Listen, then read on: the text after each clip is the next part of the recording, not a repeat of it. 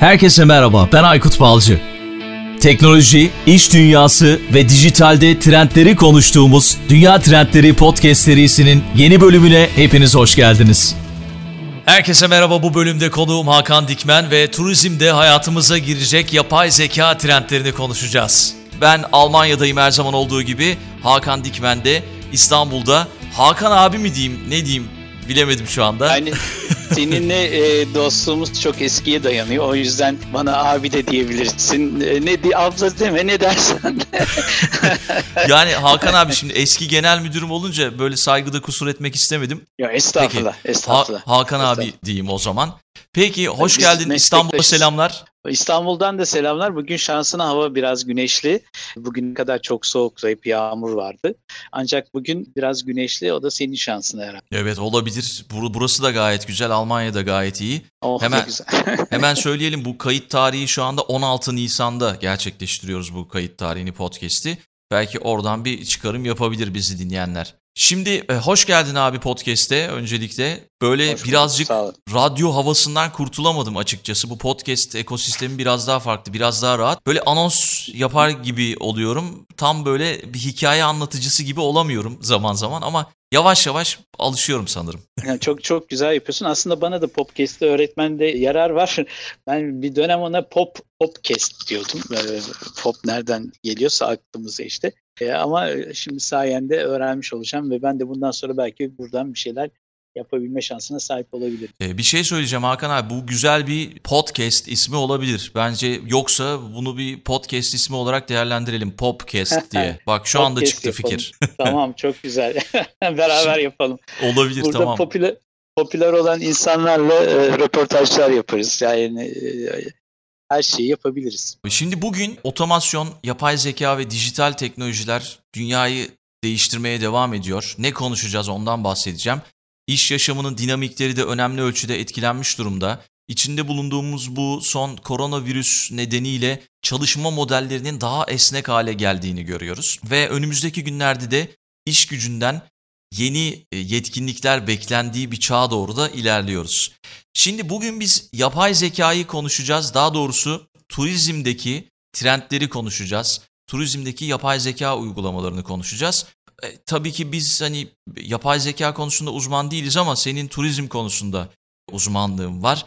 Ve onun dışında da birçok uzmanlığım var tabii. Ben biraz sayacağım sonra da kendini biraz bize anlatmanı isteyeceğim. TRT prodüktörlüğünden genel yayın yönetmenliğine, program müdürlüğünden genel müdürlüğe, UNESCO ile gerçekleştirdiğin Dünya Mirası listesiyle e, yerleri gezmen, IPTV kurulumundan, kuruculuğundan birçok farklı sektöre, akademisyenliğe ve gazeteciliğe, yazarlığa daha ne sayayım bilemiyorum yani. Böyle farklı farklı özelliklerim var. Ama belki seni ilk defa tanıyanlar olabilir. Hakan Dikmen kimdir, neler yapar? Böyle biraz bi- bize anlatabilir misin abi? Şimdi bu kadar söyledin çok utandım aslında. Neler neler.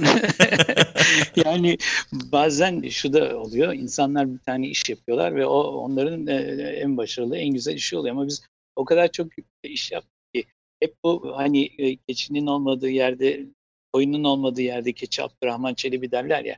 Herhalde Evet. benim yaşım itibariyle de biraz bu böyle gerçekleşti. Çünkü ben şeyden üniversiteden sonra radyo televizyona başlamadan önce de bu Erler film vardı bilirsin. Onlarla Hı hı. birlikte kapalı devre televizyon yayıncılığı yapmaya başladım. Yani 20'li yaşlarda. Kaç senesi bu? sonra 1999-98 gibi.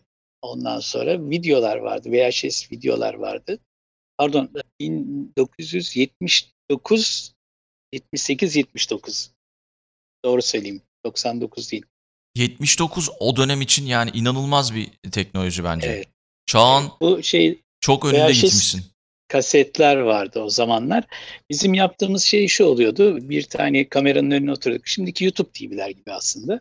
Hı hı. Filmleri eleştiriyorduk. Diyelim ki işte Hababam sınıfı. Hababam sınıfı ile ilgili gençler ne düşünüyor?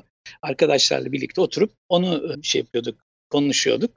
Fakat çat kapıdan birden e, diyelim ki Adile Naşit giriyordu. On sen nasıl yaparsın böyle bir şeyi? Sen daha dünkü çocuksun falan diyerekten. Ondan sonra çok böyle komik ama e, kendi aramızda güzel programlar oluyordu. Daha sonra bu beni biraz da şeye yönetmenliği nasıl yaparıma yöneltti. Devlet Opera ve Balesi'nde e, 4. Murat operası vardı. Onun için seçmeler yapılıyordu. Biraz böyle ilahi söyleyebilen ve de genç olan insanlara ihtiyaç vardı. İmtihanlarına girdim ve kazandım. Bir dönemde operada çalıştım ben. Yani Toska'da oynadım. 4. Murat'la başladık. Midas'ın kulakları vardı. Ondan sonra e, Venedik'te bir gece. E, o dönem benim için çok büyük. Hem sahneyi hem dekor kostüm öğrendim hem ışık öğrendim. Hem de bir yönetmenlik nasıl yapılır, ne olur ne biter. Ee, gelen yabancı yönetmenlerle de şey yaparak, çalışarak bunları da öğrenmiş oldum. Ondan sonra birkaç böyle sinema filminde oynadım. Sonra Şam müzikolü vardı o dönem bilir misin bilmiyorum. Bayağı eskilerde kaldı. Birçok insan bilmiyor. Benim öğrencilerim de bilmiyor. Hı-hı. O dönem e, Şam müzikolünde ben de bilmiyorum. çok güzel müzikaller olurdu. Oradaki o müzikallerde bazılarında işte oynadık. Derken TRT e, e, günleri başladı. TRT ben ilk televizyon kanalıyla başladım. O akitli derlerdi bize. Şeyler vardı o zamanlar. Yapım elemanları vardı. Hı hı. Hani git, Hala var şu anda. götür var mı onu bilmiyorum. Öyle başladım. Ama işte ilk renkli televizyon yayını yapıldığı zaman Emel Sayın konserinde reji asistanlığı yaptım. Ondan sonra benim için çok büyük bir havası vardı.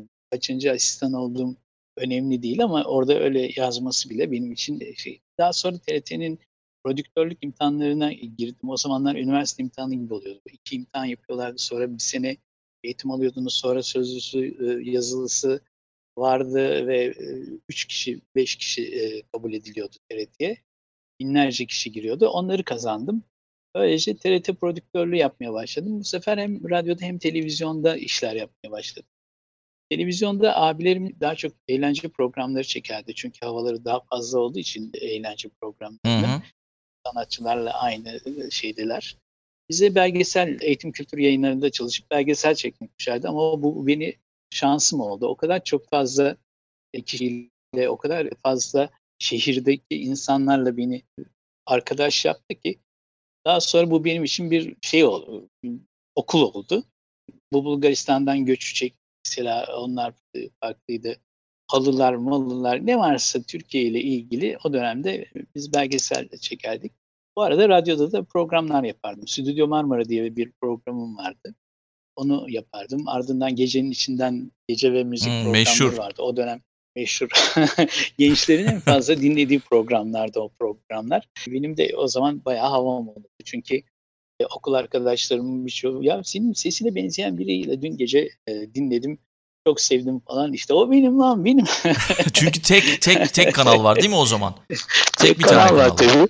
Tek kanal var. O yüzden de çok fazla şey olurdu. Benim için övünç kaynağı olurdu. Fakat bazı yerlerde söyleyemezsin. Bazı şeyler yasak olur, şu olur, bu olur.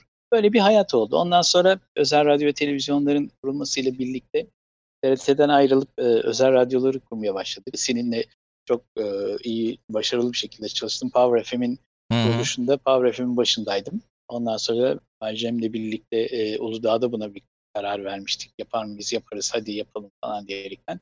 İlk önce Vakorama radyoydu. O Vakorama'dan sonra Power oldu şeyde yapmıştık. Taksim'de Marmara'nın altında bir stüdyomuz vardı. Camdı her taraf. Evet çok ee, da güzeldi orası gerçekten. Evet. Evet. O çok Orada ben çalışamadım ama gidip geliyordum. Hmm. O zaman görüşüyormuşuzdur seninle de. Evet, evet. 17'de başladığım bir programım vardı. Yaklaşık 20'ye kadar devam ederdi. Ondan sonra Hakan Enet Hakan'dı programımdı. Hakan diye bir teknikle çalışan arkadaşımla birlikte yapardık. Hakan Akay, Hakan San... abi mi? Hakan Akay mı? Evet. Hakan ee, abiyi tanırım tabii ki. ben de çalıştım onunla. Tabii, tabii. Ya sen çalış sen benden çok daha iyi tanınırsın Power FM'de. Hatta o dönemlerde şöyle de bir şey oluyordu. Yani çok enteresan. Şimdi benim Power FM'de dinliyorlar. Ses farklı. Ondan sonra cam mekandan bir görüyorlar. Bu adam bildiğin şey yurdum insanı. E, radyonun güzelliği öyle oluyor. O gizem işte o herkes kafasında bir birini canlandırıyordu eskiden. Tabii bu sosyal evet. medyanın çıkmasıyla birlikte o artık o gizem kalmadı. Bozuldu o gizem. Evet yani o bence biraz kötü oldu. Hem bizim için kötü oldu. Mesela seni ki, nasıl bir tip kafasında canlandırıyordu insanlar? Öyle uzun, bir şey uzun saçlı, e, kulağında küpe olan, e, abi yani nasılsın, iyi misin, hey hey, yok şanlar falan diyerekten konuşan birisi. Ama ben e, Hakan Dikmen'i arıyoruz diyen birine, merhabalar ben Hakan Dikmen nasılsınız falan diyordum. Allah Allah diyorlardı. Sen de kimsin be kardeş? E, senin tipinde biraz başka türlü insan var. Neyse sonra Forex diye bir radyo vardı. Ekonomi radyosu. Ha o da çok güzeldi ama. Ondan sonra ona ondan teklif geldi. O zamanlar Bay Cemile de haber koyalım koymayalım diye kavga ediyorduk. Ben habersiz radyo olmaz diyordum. O yok haber olmayacak burası müzik e, çalacak sadece falan diyordu. Ayrıldık. Ben Forex, Forex'ten sonra Hür FM, Hürriyet Gazetesi'nin radyosu vardı. Böyle bir şey, e, radyo diye, Show Radyo, Radyo 5, ondan sonra NTV, Kent vardı. Bu ilk hmm. özel radyoların kuruluşunda da ben ilk radyoyu kuran dostlarıma e, öncülük eden bir isim. O zamanlar TRT'de çalışıyordum. Korsan Radyo kurulacak. Ve ben onlara çaktırmadan şunu şöyle yapın. Bu işte verici için şunu alalım. Bu bilmem ne olsun. Böyle Danışmanlık yapıyordum. Danışmanlık yapıyordum ama tabii çok zor bir şeydi o dönemde düşünecek olursan. Yani devletin radyosunda çalışıyorsun ve e, korsan radyo kuranlara yol gösteriyorsun yani. Yani sonuçta onlar evet. bilmiyorlar. Bilmedikleri bir iş. Bilen biri Tabii olarak hiç kimse sen... bilmiyor. Hiç kimse bilmiyor. Yani o kadar enteresan ki ben işin tekniğinde de biraz çalıştım. Bizim TRT'de sen çalıştın biliyorsun. Olurlarımız Hı-hı. vardı. Sunuculuk oluru vardı. Ondan sonra e, teknik olurları vardı. Mesela masanın başına kimseyi oturtmazsan teknikler, teknisyenler oturur masanın başına. E, sunucular sadece mikrofonun karşısına otururlar ve kendi e, mikserlerini kendileri kullanamazlar. Hala öyle mi? Sen en son hala yaptın, öyle. E, hala öyle. Ben kendi masasına oturup da programını yapan enden insanlardan. Yani e, tek başıma e, hem çalardım hem konuşurdum hem gelen konuğumla e, röportajlar yapardım.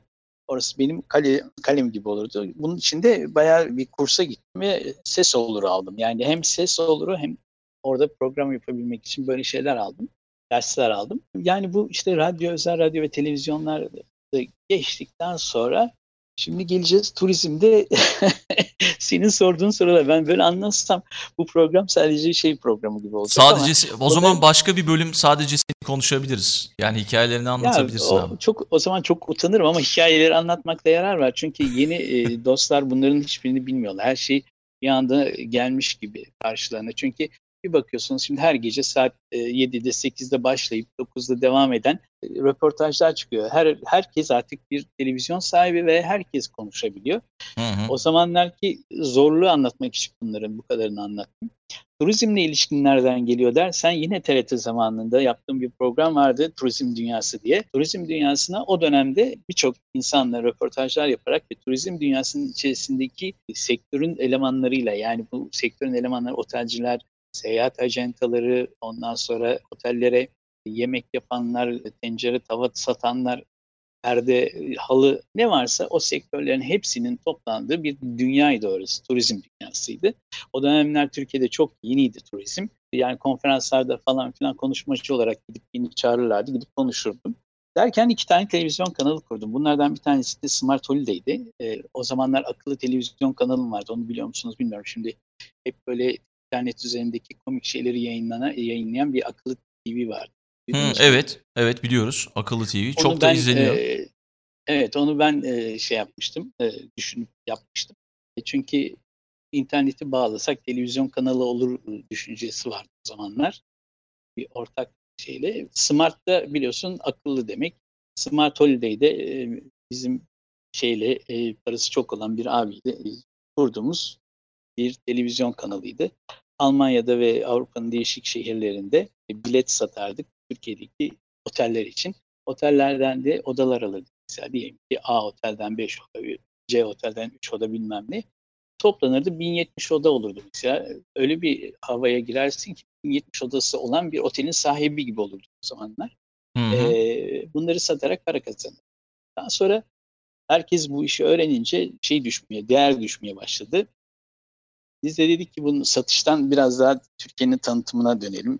Sonra fuarlara katıldık. Fuarlarda dediler ki ya tanıtım bizim ülkemizi de sizin ülkenizi tanıtın. Derken işte Ruslar dediler ki biz buraya bilmem ne kadar yolcu yolluyoruz. İşte ama gittikleri oteli bilmiyorlar. O oteli lütfen çekip bize gösterir misin? İşte onun o parası, bunun bilmem nesi derken böyle gitmeye devam ettik. Ama Türkiye'de biliyorsun her ortak bir gün gelir birbirine kazık atar ve ayrılır.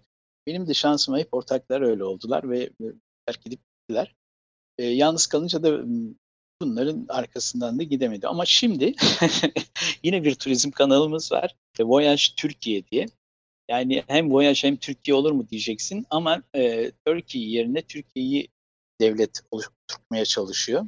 Hı hı. E, bu devlet politikası. O yüzden belki hani devlet bize sponsor olur diyerekten de Voyage Türkiye'yi şu anda yayına sokmuş vaziyetteyiz. Aynı zamanda Viyana'da da bir tane Anka televizyon e, şeyimiz var, grubumuz var. Onda da Anka Travel diye yapıyoruz. Anka Travel'da yine bilet satacağız belki turlara e, insanları şey yapmaya çalışacağız yani e, tur satacağız. Hı hı. Fakat virüs böyle olunca bir de dijital dünya gelince evdeki hesap çarşıya uymadı. Bunların hepsi 3 ay içerisinde yerli bir oldu yani. Yani şimdi turizmdeki şu anlattıkların şu anda hepsi e, gelişen teknolojiyle birlikte çok çok farklı bir şekilde yapılıyor aslında. Biraz onları konuşacağız. Bir de evet. UNESCO ile ilgili bir bağlantın var sanırım. Ha, UNESCO'da Ondan da şöyle, UNESCO Dünya Mirası Gezginleri diye bir grubumuz vardı bizim. UNESCO'nun dünya miraslarını gezen ve onlarla ilgili raporlama yapan, onları anlatan ve yeri geldiğinde UNESCO'da bunların nasıl e, para almaları gerektiğini ya da işte o verilen paranın gerçekten yerini bulup bulmadığıyla ilgili rapor tutan bir ekip vardı. Onlarla birlikte çalışmaya başladık. Sonra biz bunu gezginler olarak yani Dünya Mirası gezginleri olarak dernek e, haline getirip o dernekle yaşamaya başladık ve gittiğimiz her yerdeki mesela diyelim ki Vietnam'a gidiyorsun ama o Vietnam'daki e, şeyleri geziyorsun dünya miraslarını geziyorsun. İnsanlar sadece Vietnam'ın caddelerini gezerken alışveriş yapabilir miyiz diye bakarken biz kilometrelerce uzaktaki bir şeyi gezebiliyoruz. Yani Viyana, e, Vietnam'ın dünya mirası olmuş bir yerini gezip ya da Kamboçya'da herkes tabii tabii yani Angkor Wat'a gidebiliyorsun. Angkor Wat'taki neler oldu neler bitti. Herkes fotoğraf çekip tamam diyor ama işte Angkor dünya mirası için neler, e, ne değerler e, taşıdığını anlatan yazılar yazıyorduk. Sonra bunu gazeteye taşıdık. Yeni Birlik gazetesiyle birlikte. E, Hürriyet'le ilk önce onun seyahat eki vardır. Sonra ondaki yazı şeyim azdı. Yeni Birlik'te tam bir sayfa. Hem resimleri daha rahat koyabiliyorum hem de daha rahat anlatıyorum diye Yeni Birlik gazetesinde bunu yazmaya başladık. Şimdi devam ediyor yazı ama o şeyin UNESCO Dünya Mirası Gezilerinin yönetiminde değilim şu an. E, fakat bir gezi olduğunda en son ki planlar şuydu. Bu ay şey, e, gideceğim, gidecektim güya Antarktika'ya. Ondan Antarktika'ya. gelecek, evet, gelecek ay şeye gidecek. Asya turuna, Kazakistan, Özbekistan, Kırgızistan'ı içine alan bir seyahatim olacaktı. Ama şimdi hepsi artık sanal olarak kaldı hayatta. Sanal geziyorum. Neyse onu konuşacağız zaten. Şimdi yavaş yavaş ısınıyoruz konuya. E, biz beraber çalışırken sen Afrika'ya gitmiştin ve Afrika'da bir, evet. birkaç ülke gezdin sanırım. Oradan böyle değişik evet. fotoğraflar atmıştın bize. Çok da hoşuma gitmişti evet, açıkçası. Evet. Afrika'da görmek istediğim yerlerden biri. Ben senin kadar ülke görmedim. Belki 6-7 tane görmüşümdür. İlk gittiğim yer New York'tu. 2000 2007 yılında gitmiştim bir biriyle tanışmıştım orada. Şey dedi bana ilk geldiğin yer New York'sa o dedi sen işi çok şey tutmuşsun. Bundan sonra dünyanın her yerine gidersin dedi. yani gerçi öyle bir şey olmadı. Dünyanın her yerine gidemedik ama senin kadar da gezen birini şu ana kadar tanımıyorum. Ne kadar kaç ülke gezmişsindir bugüne kadar? Yani şimdi ben e, bunu aslında saymadım tamam mı? Ama herhalde bir 80'e yakın ülkeyi gezmişimdir. Ama bu 80 ülkenin de şehirleri 300'ü 350'yi bulmuştur. Yani gittim yerde mesela bir Türkiye'ye Türkiye'yi gezdim demiyorum. Türkiye'ye gittim, İstanbul'u gezdim, Ankara'yı gezdim, Antalya'yı gezdim diyorum. Ama bazı yerlerde tüm şehirleri geziyorsunuz ya da bütün bu dünya mirası olan yerlere gidiyorsunuz. Diyelim ki ben Türkiye'ye geldim, ondan sonra Antalya'da gidip yüzeyim, ondan sonra dinleneyim, biraz güneşleneyim de geri döneyim demiyoruz. Hadi buraya yakında ne, ne var? İşte e, Antep'e gidelim, orada mozaikleri görelim. Yok işte e, Urfa'ya gidelim, Göbekli Tepe'yi görelim deyip buralara da git, gitme şansını elde ediyoruz. Mesela diyelim ki Küba'ya gittik. Küba'da herkes o gayet güzel işte arabalarla bilmem neler ama biz kilometrelerce uzakta e, kahve bahçelerine gittik. Çünkü oranın şeyi kahve e, ne derler? Dünya mirası kahveydi yani. Deneyimi. Aha, evet. evet evet. Ay Hı hı. kahve bahçeleri Kahve ve o bahçeleri. kahvelerin değişik şekilde çıka- çıkanlarıydı yani. Tamam mı? Böyle bir şey oluyor aslında. Yani şöyle ben de mesela 7-8 tane ülke gezdim ama bir tanesi işte Avusturya, Viyana nasıl gezdim? Tabii sen hakkını vererek gezdim diyorsun onu anladım. Uçağım aktarmalıydı bir 6-7 saat vardı. Orada da bir arkadaşım vardı. Geldi havalimanından aldı beni. 1-2 saat böyle Viyana'yı gezdirdi. Ondan sonra tekrar havalimanına bıraktı. Böyle bir gezme. Tabii ki seninkisi çok daha farklı bir gezme. Tam Yani böyle işte sindirerek. daha- bir de şöyle bir şey var. Şimdi e, hani o 6 saatlik yer hadi gel gezelim güzel. O anki e, yapılan improvizenin doğaçlama bir, bir iş ondan sonra. Fakat biz önceden de çalışıyoruz yani nereye gideceğiz ondan sonra Truva öğren yerine mi gideceğiz yoksa Truva heykelini mi göreceğiz mesela böyle çalışmalar yapıyoruz. Çanakkale'ye gittiğin zaman işte burada acaba e, anzakları mı yazmam gerekir yoksa İngilizlerle olan e, durumu mu yazmam yoksa Türk e, Mehmetçiğin ne kadar önder olduğunu mu yazmam lazım? Yani böyle değişik her şeyi görmem lazım ki sen bana bir soru sorsan şey kalmayayım. Yani e, Hı hı. senin karşında ezik kalmayayım hem de bazı görevlerimizi yerine getirelim diyerekten. Tamamen Böyle çalışarak yani gidiyorsun. Tabii tabii çalışarak diyorum. Önceden bazen görevler veriliyor ona göre gidiyorsun. Sen diyorsun ki git bana işte Ani harabelerini gör. Ani harabelerini görmek bir şey değil ama Ani harabelerinin tarihi, ondan sonra oranın önemi, e, işte oradan e, geçen derenin ne önem arz ettiğini anlatan bir yazı yazıyorsun. Adamlar diyorlar ki hiç görmeden Ani harabelerine biz 500 bin dolar para veriyoruz ama bak orada böyle böyle güzel şeyler varmış o yüzden veriyoruz. Oh içimiz rahat diyorlar yani. Peki abi içinde bulunduğumuz dönemin değerlendirmesini şöyle bir yapalım istersen. Turizm açısından öngörülerimizi konuşalım. Ve İtalya şöyle bir açıklama yaptı. Biz yaza denize gireceğiz deyip plajların, boş plajların fotoğrafını paylaştı. Yani Girerler abi. yani böyle bir öngörü sence insanlar bu sene tatil yapar mı? Tabii şimdi kimse yanlış anlamasın. İnsanlar can derdinde hani biz tatil istiyoruz gibi bir, anlaşılmasın ama bu tatil konusu gündemden düşmüş gibi anladığım kadarıyla. Yani ben sana bir şey söyleyeyim? Ben tatil istiyorum yani.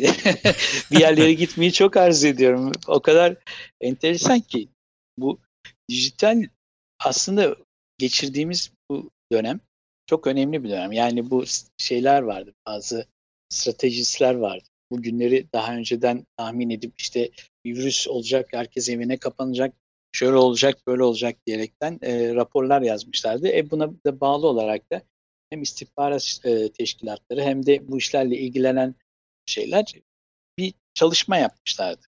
Hı hı. Ama bu o kadar insanları bir anda etkiledi ve bütün ülkeleri bir anda ilgilendirdi ki insanlar sanki beklemedikleri bir şeyle karşılaştılar gibi oldu. Halbuki bütün ülkelerin daha önceden bunu konuştuklarını ve bu şekilde bir salgın olursa neler yapabileceğini e, öngören raporları var ama bir anda oldu her şey. Yani bizde yok yok yok derken bir anda 130 kişi birden çıktı. Yok 250 oldu. Yok şimdi 800 oldu. Yok bilmem ne. Her gün işte bizim bu IPTV platformunda birinci kanal koronavirüsünden etkilenen ülkelerin sayısını ve sıralamasını gösteriyor ve öyle bir enteresan bir harita var ki orada her gün e, değişen bu borsa rakamları gibi yani birisi ding kırmızı oluyor, biri ding yeşil oluyor, biri alta iniyor, biri yukarı çıkıyor. Aynen. Şimdi bizimkiler biz Belçika'yı geçtik, Belçika biz geçti. Ölü sayısında şöyle oldu, böyle oldu. Yani anlayacağın çok farklı e, bir döneme geldik. Şimdi bazı şeyler, analistler bunun bir yapay zeka dünyasına doğru gidişin başlangıcı olarak görüyorlar. Yani şimdi biz hepimiz evimizden oturuyoruz. İşte biz seninle sen Almanya'dasın ben Türkiye'deyim telefonla konuşuyoruz.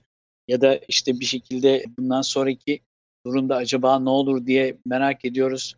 Ee, Gelecek öngörüleri üzerine öngörüleri konuşuyoruz. Düşünüyoruz. Yani dünya genelinde biliyorsun 500 milyon şey var.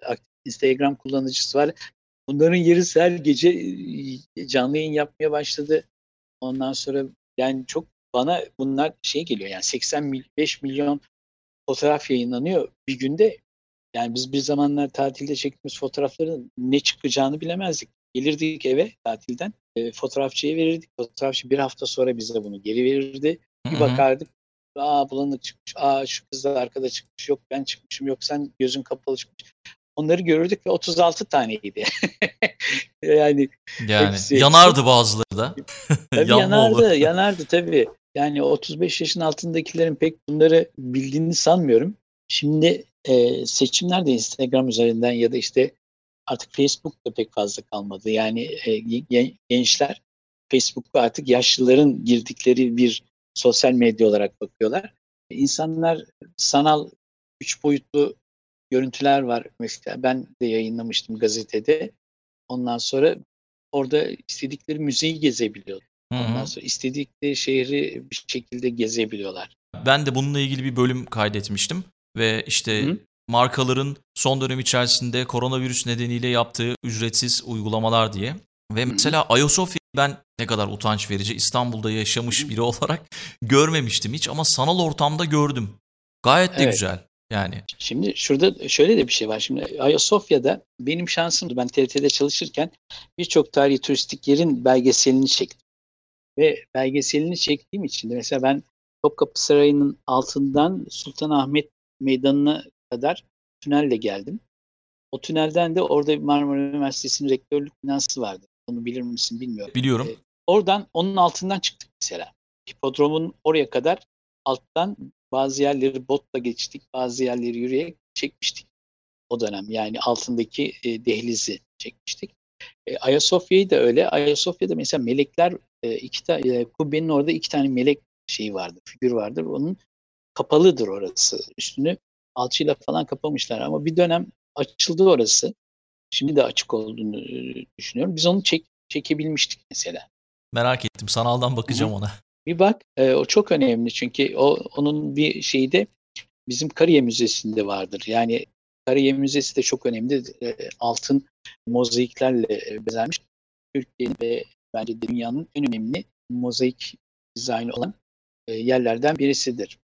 Böyle yani şimdiki turistlere evde oturdukları zaman ben diyorum yani hazırlık yapıp gidiyoruz diye. Onlar da artık e, seyahatlerini bu sanal ortamlardan bakın hem de çevreye dost bir şekilde biliyorsun yeni trendlerin başında hem dijital olacağız ondan sonra hem çevreyle dost olacağız yakıtları ona göre tüketeceğiz ondan sonra ekolojik izleri yerel ekonomiye katkı sağlayacak gibi böyle şeyler yapmamız gerekiyor işler yapmamız gerekiyor mesela bu şeyde e, Twitter'ı çok iyi kullananlar var fakat bir kesimde Twitter'a hiç alışık değiller E, Twitter'ın ba- farklı bir şey var. Mesela benim gördüğüm kadarıyla Almanya çok fazla Twitter kullan yani çok bizim kadar kullanmıyor çok fazla Almanya'dakiler. Daha doğrusu bizim kadar sosyal medyaya bağımlı değiller gibime geliyor.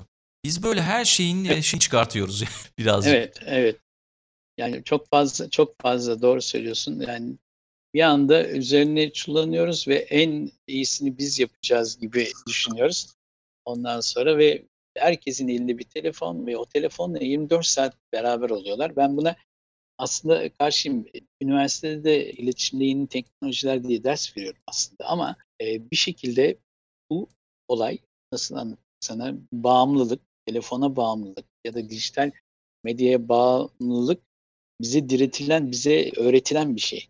Bundan sonra biliyorsun çipli insan duruma geçeceğiz. Yani onun arkasında o kadar fazla bir dünya var ki e, bu dijitalleşen insan Hı hı. biraz da hani vatansever, ulusalcı dediğimiz vatan ve Sakarya için savaşma şeyini kay kaybediyor. Yani paramız e, bitcoin olacak. Ondan sonra işte sanal dünyada internette herkesin bir mail adresi var, adresi var. Herkesin bir sayfası var ya da işte resimlerini koyduğu, filmlerini koyduğu bir yeri var değil mi? Aynen. Ama bu bizi bir dünyayı, ortak bir dünyaya doğru itiyor. Orada bir sınır kalmıyor. Ben artık diyelim ki New York'taki Helga'yla şey yapabiliyorum, mektuplaşabiliyorum. ya da- Mektuplaşabiliyorsun, konuşabiliyorsun. Evet. Yani. Şimdi bizim yeni bir çalışmamız var. Artırılmış gerçeklik ya da sanal gerçeklik, virtual şeyler vardır ya, reality'ler. Hı hı. Orada ofisler ya da televizyon kanalları kuruyor. Sen gözlüğünü taktığın zaman benim ofisimde benim masamın yanına gelip oturabiliyorsun. Kendini orada hissediyorsun. Ondan sonra ve benimle yüz yüze konuşuyorsun. Beni görüyorsun yani. Hı. Ama sen orada değilsin. Yani o bile bu yeni dönemde insanları çok fazla etkileyecek ve bir şekilde biz artık hep dijital olarak şey yapacağız, e, yaşayacağız gibi geliyor bana. E, bunlara çok çabuk alışıyoruz. Benim nesile ben çok şey yapıyorum. Nasıl diyeyim?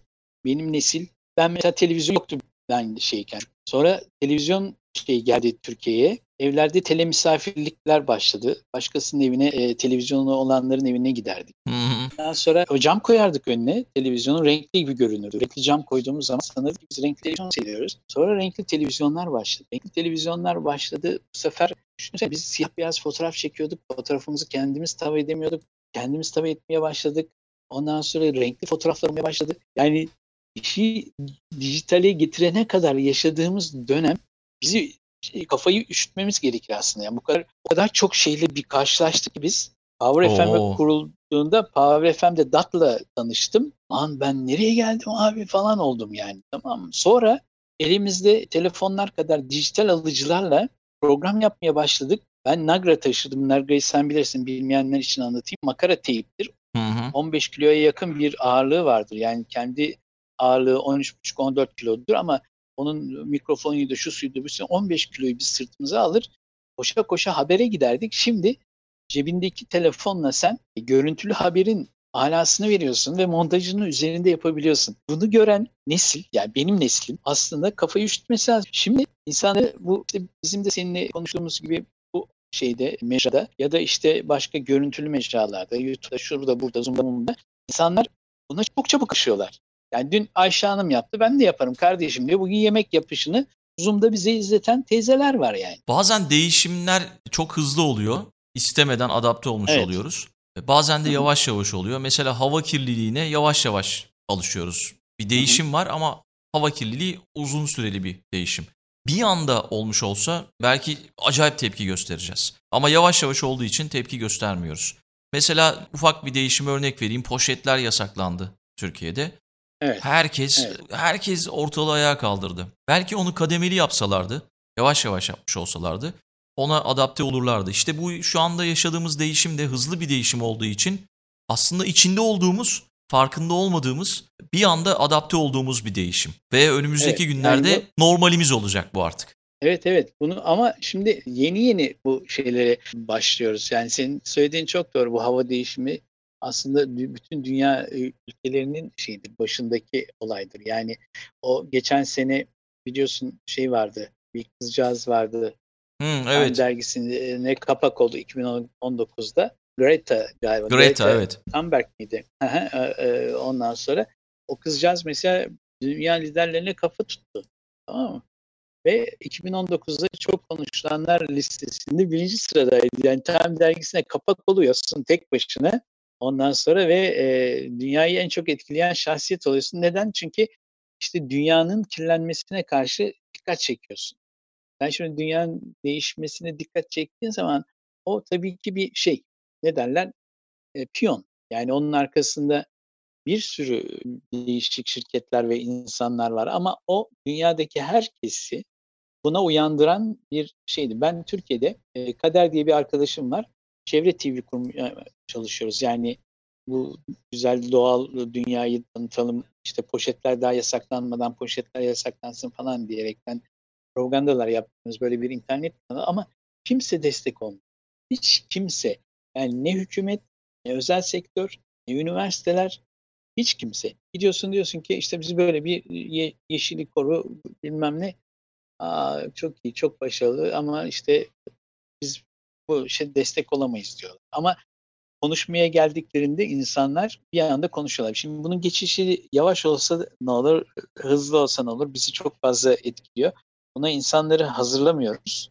Ama dediğin gibi bir şey gösteriyoruz, evrim gösteriyoruz ve ciğerlerimiz artık o pis havayı soluduğunda e, nefes nefese kalmıyor. E, o temiz hava gibi pencereyi açtığımızda sanki temiz hava alıyormuşuz. Sorumun başına dönecek olursak içinde bulunduğumuz dönemin değerlendirmesi açısından insanlar sence bu sene tatil yapar mı diye sormuştum.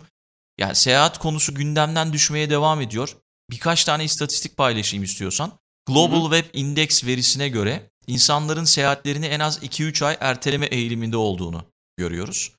Ve Comscore'a göre de tatil siteleri ve uygulamalarına yönelik trafikte de Ocak ayı ilk haftasına göre Almanya'da %36, İtalya'da %67, İspanya'da %18, İngiltere'de de %23 bir düşüş görülüyor. Podcast'in başında da sen işte projelerimiz tabii ne oldu karıştı falan dedin. Az çok ondan bahsettin. Yani böyle bir durum var. İtalya hükümeti her ne kadar şey dese de biz yaza denize gireceğiz diye motive etse de insanları hiç de öyle denize girecek veya bir yerlere gidecek gibi gözükmüyor anladığım kadarıyla. Sence yani yazın ya da Mayıs sonunda bu iş bitti. Haziran sonunda bitti diyelim. İnsanlar seyahat ederler mi? Koronavirüsü seyahat planlarını vurmuş gözüküyor.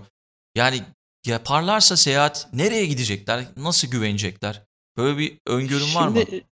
Şimdi şöyle yani nereye gidecekler benim düşüncem şu. Ya yani İtalya'ya gider mi insanlar sence? Çin'e gider mi tatile? İtalya'ya gider mi? Bak şeyden tut e, New York'tan tut e, dünyaya böyle bir çizgi çiz. Bizim İtalya, Fransa, Türkiye, İran ondan sonra şeyin üzerinden geç e, Hindistan'ın falan üzerinden Çin'e kadar git. O bölgeyi kesinlikle çok fazla gidileceğini sanmıyorum. Ama onun haricinde kuzeydekileri ya da Asya'dakilere gidilebileceğini düşünüyorum Asya ülkelerine. Afrika içinse şöyle bir şey var. Afrika'da diyelim ki %40, %50 daha az hasta olsa dahi oradakilerin fakir olmasından dolayı onların ayağa kalkabilmeleri, onların tekrar sağlıklarına kavuşabilmeleri için paraları yok. Yani şimdi biz evimizden dışarı çıkmıyoruz. Hepimiz ağzımıza maske takıyoruz. Ellerimize naylon eldivenler giyiyoruz. Ondan sonra birbirimize bir metre uzaklarda duruyoruz falan. Sosyal mesafe ediyoruz bilmem ne. Ama gariban Afrikalıların bu şeyi eğitimi yok. Ondan sonra buna verecek paraları yok. E, çıplak yaşıyorlar zaten yani düşünecek olursan. Bir şekilde e, oralara çok fazla yayılmaması gerekiyor ki e, insanlar yine vahşi hayvanlarla, vahşi doğayla ilgili turizme gidebilsinler.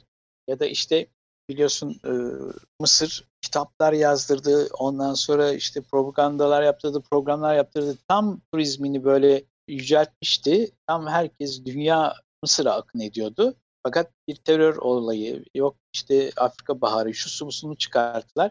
Yine tekrar insanlar kaçmaya başladılar. Tekrar yavaş yavaş gitmeye çalışıyorlar. Fakat benim şeyim şu, insanlar evde oturmaktan çok hoşlan hoşlanmıyorlar. Çünkü özgürlüklerine düşkünler.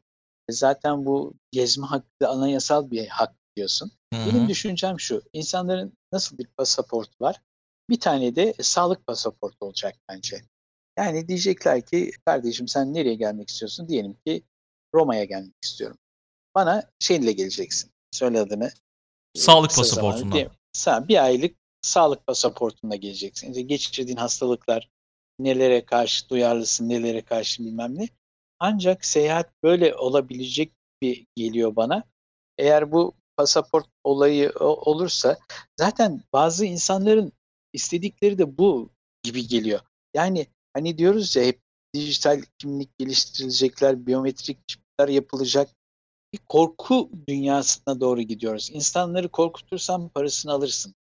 Yani virüsten korkutuyorsun, yatırımları ona göre e, değiştiriyorsun. Yani işte dijital dünya dediğin gibi işte Facebook'ta, Instagram'da, şurada burada artışlar oluyor.